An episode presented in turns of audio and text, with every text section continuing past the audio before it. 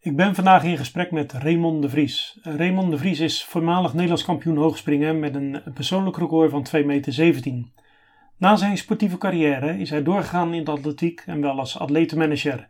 Zo begeleidde hij wereldsterren als Merlin Otti, Ben Johnson, Paul Ehring, Jobes Ondjeki en Billy Concella. Hij was zeer succesvol met zijn eigen atletenteam en begeleidde zijn atleten dan ook op diverse WK's en op de Olympische Spelen van Seoul 88 en Barcelona 92. Raymond heeft de nodige avonturen beleefd en wil ons daar dan ook graag deelgenoot van maken. Ja, Raymond, ik wil het natuurlijk ook hebben over het fenomeen wat jij in jouw uh, eigen team hebt gehad uh, als uh, atletenmanager. En dat, dat is en was Merlin Otti. daar is volgens mij zoveel over te vertellen. ja en nee. Ehm, Merlin was natuurlijk een fantastische atlete. En daar zijn, er zijn best wel leuke verhalen over te vertellen. Maar ze was ook wel een beetje saai. En dat is misschien, heeft ook wel te maken met waarom ze zo goed is. Omdat ze zich niet liet afleiden door van alles. Ze deed wat ze moest doen, keihard trainen.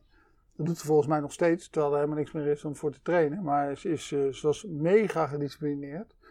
En uh, ja, tot op, ja, bedoel, ze vond wijn lekker. En alleen na het seizoen dronk ze één glaasje. Ja, chocola, na het seizoen één reep om zichzelf te, te, te, te trakteren. Maar dat zijn natuurlijk wel verhalen en die zijn, die zijn uh, van grappig tot verbazingwekkend. Ik zal, ik zal een beetje bij het begin beginnen. Uh, ik, had, ik was net begonnen als manager en ik, zag, uh, ik zat toen een beetje in de entourage van, van Ben Johnson, die ik officieel op papier was ik zijn manager, maar uh, in de praktijk niet. Ik ging wel heel goed met de hele groep om en zag alles. Uh, maar daar zat ook Angela Isayenko in. En daar kon ik goed mee opschieten. Dus op een gegeven moment zaten we in de trein ergens naartoe. Ik, ik begrijp nog steeds niet helemaal hoe dat zat. Maar, want we gingen nooit ergens met de trein. Maar we zaten in de trein. En toen kwam Merlin Otti voorbij. En toen zei ik tegen Angela... Jezus, is dat toch een mooie meid, zegt die Merlin Otti. Oh, vind je dat? En ze, Merlin, Merlin, kom eens. Ik zeg, wat nee joh, hou je mond joh. Nee, maar kom Merlin, hij vindt je leuk. Weet je, echt zo'n middelbare school uh, toestand. Twee meiden onder elkaar. Ik zeg, joh, zo de mythe op. Nee, maar, ah.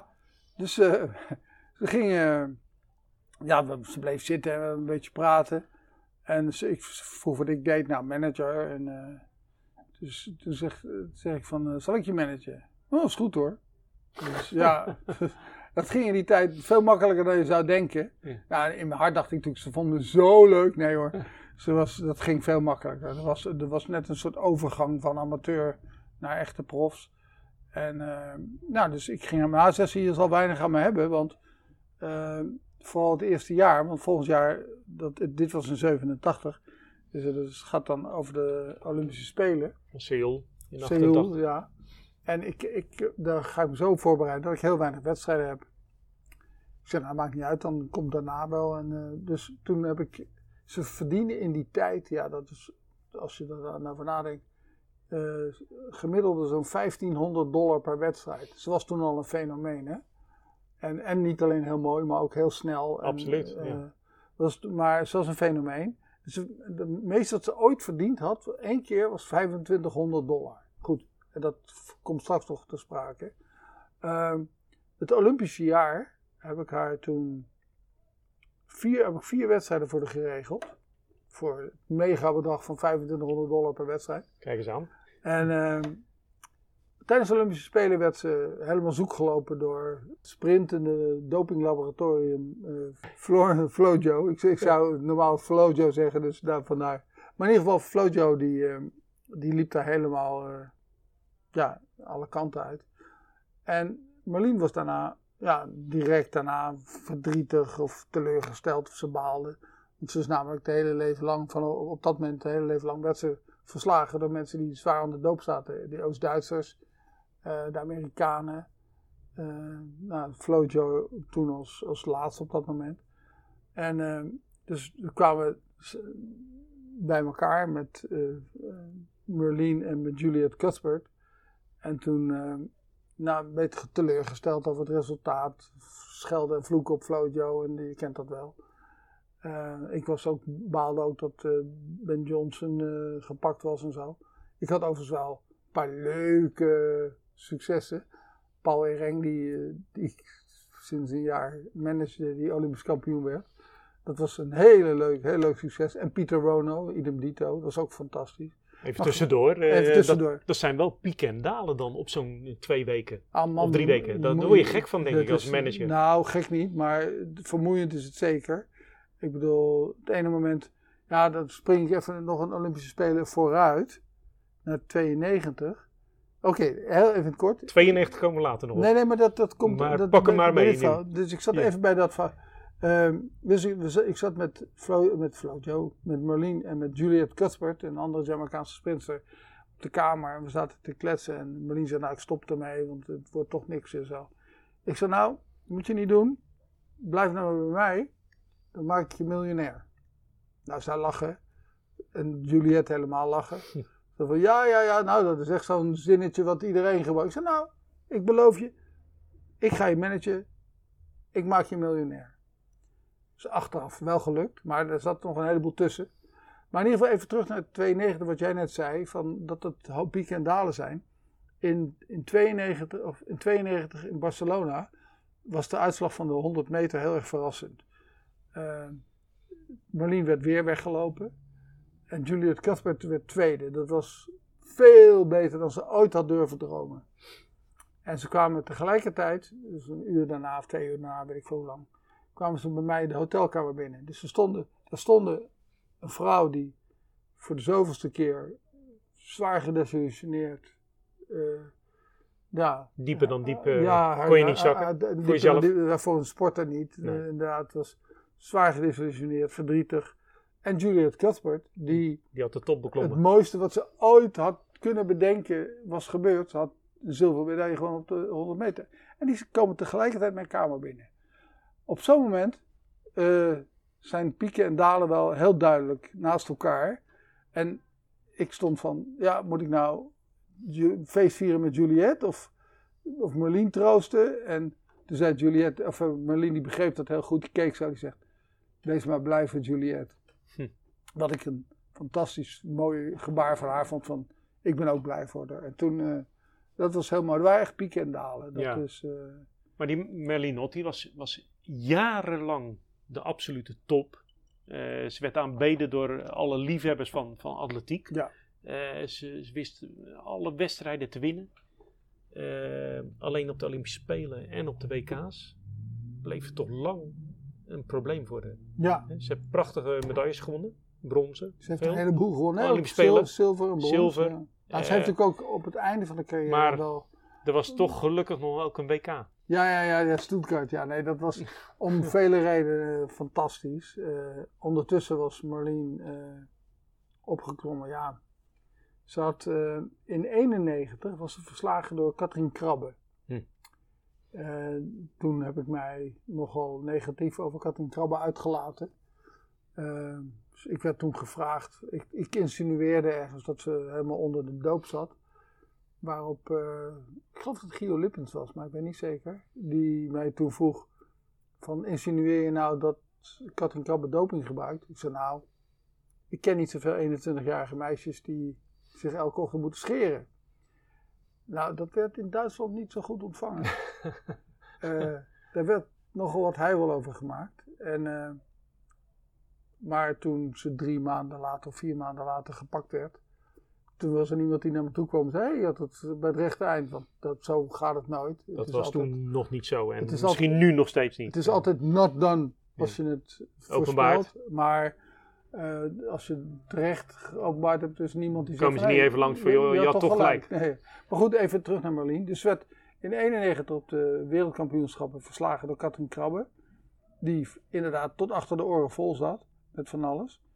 Uh, en dan zeggen mensen, ja, maar Gwen Torrens won ook van Merlin. Ja, uh, ze, ze, ze, zag dat ze verslagen werd. En dan, Schaf ja, het op. Dan, ja, opgeven. Ja, ja, dat is een groot woord, maar ik bedoel, het is de extra... Ik red het toch niet die, meer, weet je. Die dus, was weg. Ja, was weg. Maar goed, toen in 93 Nou, er waren, dat was echt weer een wereldkampioenschap in Stuttgart. Het waren een paar mega mooie momenten. Zoals inderdaad nog steeds een superster. Uh, Even tussendoor, Stuttgart was ook een geweldig WK volgens mij. Wat een fantastische entourage was Ja, dat toen. ja, ja. Volgens mij altijd uitverkocht. Als ik me nog kan herinneren. Organisatie. het, alle, het was onvoorstelbaar goed. Maar ja, dat was, Tokio was ook fantastisch hoor. Ik bedoel, maar wereldkampioenschappen zijn veel leuker dan. Olympische Spelen voor de, de sporter en de sportliefhebber. Maar goed. Eh, maar in ieder geval Stuttgart. Ze werd, eh, er was een fotofinish op de 100 meter. Tussen haar en, eh weet ze, eh, Gail Divers geloof ik. En echt, we hebben die foto van alle kanten bekeken. En Marlene had gewoon gewonnen. Hm. Alleen, op, op, op het moment dat er zo'n discussie is, dan gaat het welke bond het sterkst is. Nou, dan heb je de Amerikaanse bond tegen de Jamaicaanse bond. Nou, de Amerikaanse bond wint altijd. Maar we hebben echt die foto van alle. Aan de ene kant was, de ene kant van de foto was eh Divers niet te zien. Die was gewoon niet in beeld. Stond dus naast of achter Marleen.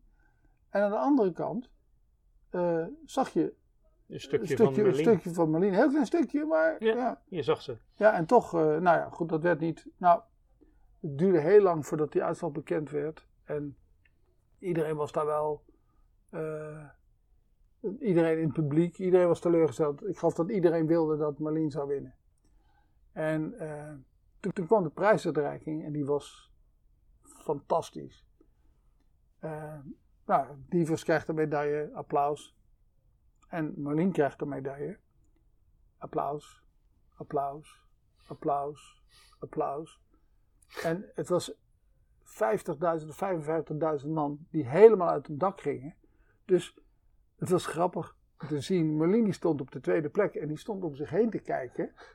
Van, met, ja, voor wie zijn ze nou aan het klappen joh? Want ik, zeg, ik zie nergens. Ze zei later, ik, ja, ik was op zoek naar een Duitser die iets goeds had gedaan. Een Die vers- nog bezig was met hoogspringen of, of eh, verzin het maar. dus ze was om zich heen aan het kijken. Wa- wa- wa- waar komt het?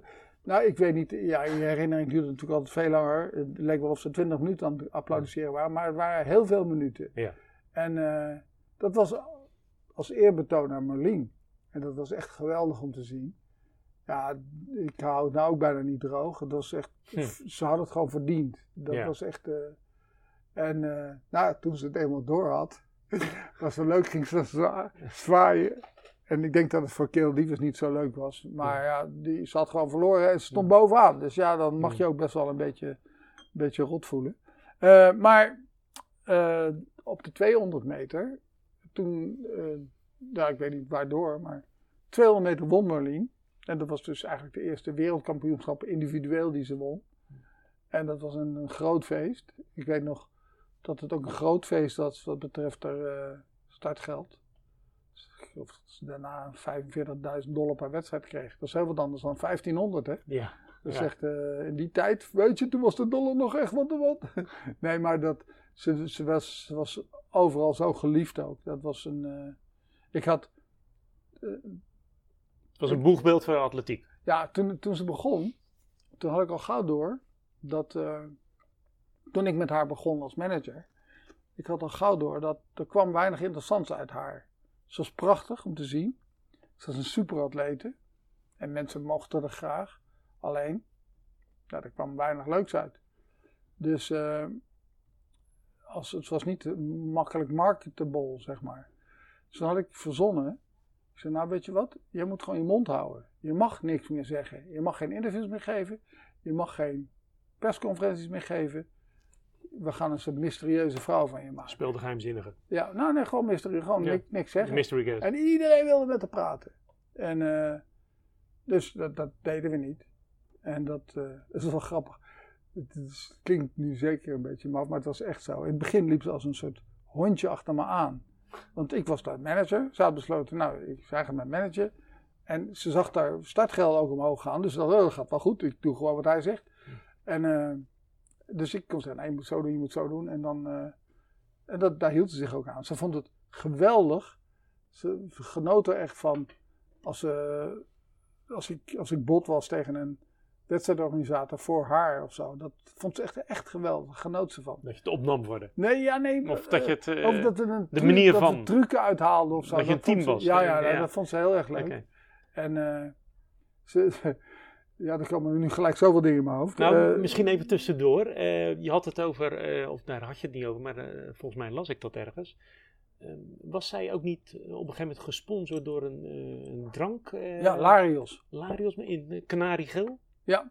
Kanariegeel. Larios was de. Dat was toen Unipublic. Ik weet niet of je naam dat zegt. Dat is heel lang de organisator van onder andere de Vuelta geweest. Ja. En ze hebben Unipublic. ja, Toen, toen de, Olympische Spelen van 1992 toegekend werden aan Barcelona. Mhm. Ja, je wil niet weten wat dat voor onder andere de atletiek betekend heeft. De- overal waren wedstrijden, eh, goed betaalde wedstrijden. Ja, je had wedstrijdjes waar misschien 3000 man publiek was. Maar het behoorde tot de best betalende wedstrijden in, eh, in Europa. En eh, er waren er wel, nou, ik denk dat er in het seizoen toch wel een stuk of 20, 25 topwedstrijden waren in Spanje. In Spanje. Allemaal Ja. door Unipublic. En die hadden ook de sponsor Larios. Die hadden Larios als. Die hadden daar een. Als En Larios was een drank. Gin. Gin. eh, Ja, ze hadden ook. Kijk, dat moest wel, geloof ik. Ze hadden ook wat anders. Ik weet niet wat ze. Kleding of tassen of iets, iets dergelijks. Maar Larios was een ginmerk. En eh, die hadden een, een, sportteam, een atletiekteam. En de, de, de, de directeur van Unipublic, Martinot, die, ja, die was helemaal gek van Marleen. Dus het was niet zo moeilijk om een contract voor haar af te sluiten. En daar heeft ze heel lang het heel goed mee gedaan. Dat was, eh, ze liep eh, in dat knalgele Ja. dinges. Maar, eh, en, eh, eh, nog even over mezelf opscheppen. Eh, een van de dingen die ik deed toen ze, toen ze op een gegeven moment zeiden, nou we kunnen wel weer persconferenties gaan doen, want die wedstrijdorganisatoren zeurden erom en zo. Nou, dat was dan persconferentie. En dan eh, zat ik achter in de zaal. En dan kwamen er ja, nee, ja, nee antwoorden. En dan, dan riep, riep ik van, eh Miss Otti, eh, ik heb gehoord dat u, eh, dat u verloofd bent met uw manager, klopt dat? En dan schoot ze keihard in de lach. Nou, ik weet niet, ik weet niet of je, of je Marleen wel eens keihard hebt zien lachen. Maar alle fotografen die klik, klik, klik, klik, klik, klik, kwamen Ja, er 600 fantastische foto's. beelden natuurlijk. waren echt fantastische Ja, beelden. Ja, Dus ik verzon altijd wel iets doms of zo. En dan, eh, dan schoot zij in de lach. En dan, nou, dat, dat deed heel veel aan de, eh, aan de de image, zeg maar. Ja, ja, Ze werd ja. echt, eh, dus ze werd, uit, ze werd een superster. ja. En ja, de prijzen gingen omhoog. En we hebben ook... Joh, Je hebt met haar ook van Puma en Adidas was je bezig volgens mij. Nee, eerst heb ik er bij Diadora, Diadora natuurlijk. Diadora, Ja. ondergebracht. Ja, En dat ging heel goed. Ja. Ik, had, ik had ooit daarvoor eh, Billy Concella bij Ja. Diadora bi- binnengebracht. Op, dat was ook wel weer grappig. Hé, hey, opscheppen! Eh, nee, eh, niemand geloofde in Billy Concella. En dus ik was aan het leuren of ik een sponsor voor hem kon krijgen. Een schoenen, schoenendeal. Concella is de 800 meter lopen. Concella is een hele goede De beste ooit Ik denk de beste ooit. Nou, in jouw zeker- beleving. Zeker niet de snelste, maar ik weet hoe weinig hij ervoor deed. Ja. Dus dat was echt eh, ongelooflijk. Nee, maar. eh, dus ik, ik liep te leuren met Concella. En toen was. eh, toen wilde. Niemand wilde Concella hebben, dus ik ging naar Diodora. Ik zei: joh, nee joh, dit is niks. Dat, dat hebben we eraan. En, ik zei: ja, maar. Alleen maar een bonus dan. Hoe dan? Ik zei: nou ja. Hij gaat in jullie spullen lopen. En als hij wint, dan krijgt hij zoveel. En verder niks. Dan ben je alleen maar wat spullen kwijt. Nou, ja, dat was niet zo moeilijk. Dus ik zeg, maar, dan wil ik ook dat je voor over vier jaar, dat hij dan een hele grote bonus krijgt, als hij dan weer wereldkampioen wordt. En zij lachte me uit, joh. Van ja, hallo, dat hij, hij wordt nu geen wereldkampioen en zeker nog niet een dubbel wereldkampioen. Dat, dat kan niet. Nou ja, hij werd wel wereldkampioen. En vier jaar later weer wereldkampioen. en ondertussen had ik, ik had daardoor heel goede contacten bij, bij Diodora. En ik heb ook, ik geloof dat verhaal eens een keer verteld over, eh, over Ben. En ondertussen had ik goede, eh, nou ja, ik had eh, Ben Johnson bij Diodora gebracht. En die, die ging af en toen ben ik gelukkig nog mijn excuses aangeboden aan de directeur ooit.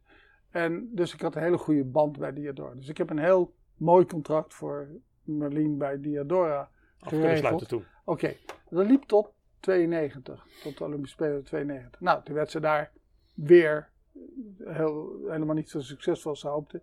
Dus toen dacht ze dat ze, nou ja, dat we afgelopen was met sponsoring en zo. En toen heb ik, tot mijn eigen verbazing, een heel goed contract met Puma afgesloten voor haar. En dit zegt ook wel iets over de relatie tussen Marlene en mij. Ehm, dus ik belde haar op en ik zei, joh, ik heb een sponsor voor je. Oh, dat was heel verbazing. Ja, ze was net afgegaan op de Olympische Spelen. Dus eh, wie dan? Ik zei, nou Puma. Oh, oké. Hoeveel? Ik zei, nou, zoveel. Wat? Dat, meen je niet. Ja. ehm, en zoveel bonussen en zoveel bonussen en zoveel bonussen en zoveel bonussen. Oh, nou, dat had ik helemaal niet verwacht. Jezus. En nou goed, wij hangen op. Vijf minuten later gaat de telefoon. Marleen, giechelend. Thank you. Heel mooi allemaal, eh, Raymond. Eh, dat was eh Merlin Otti in, in deze aflevering.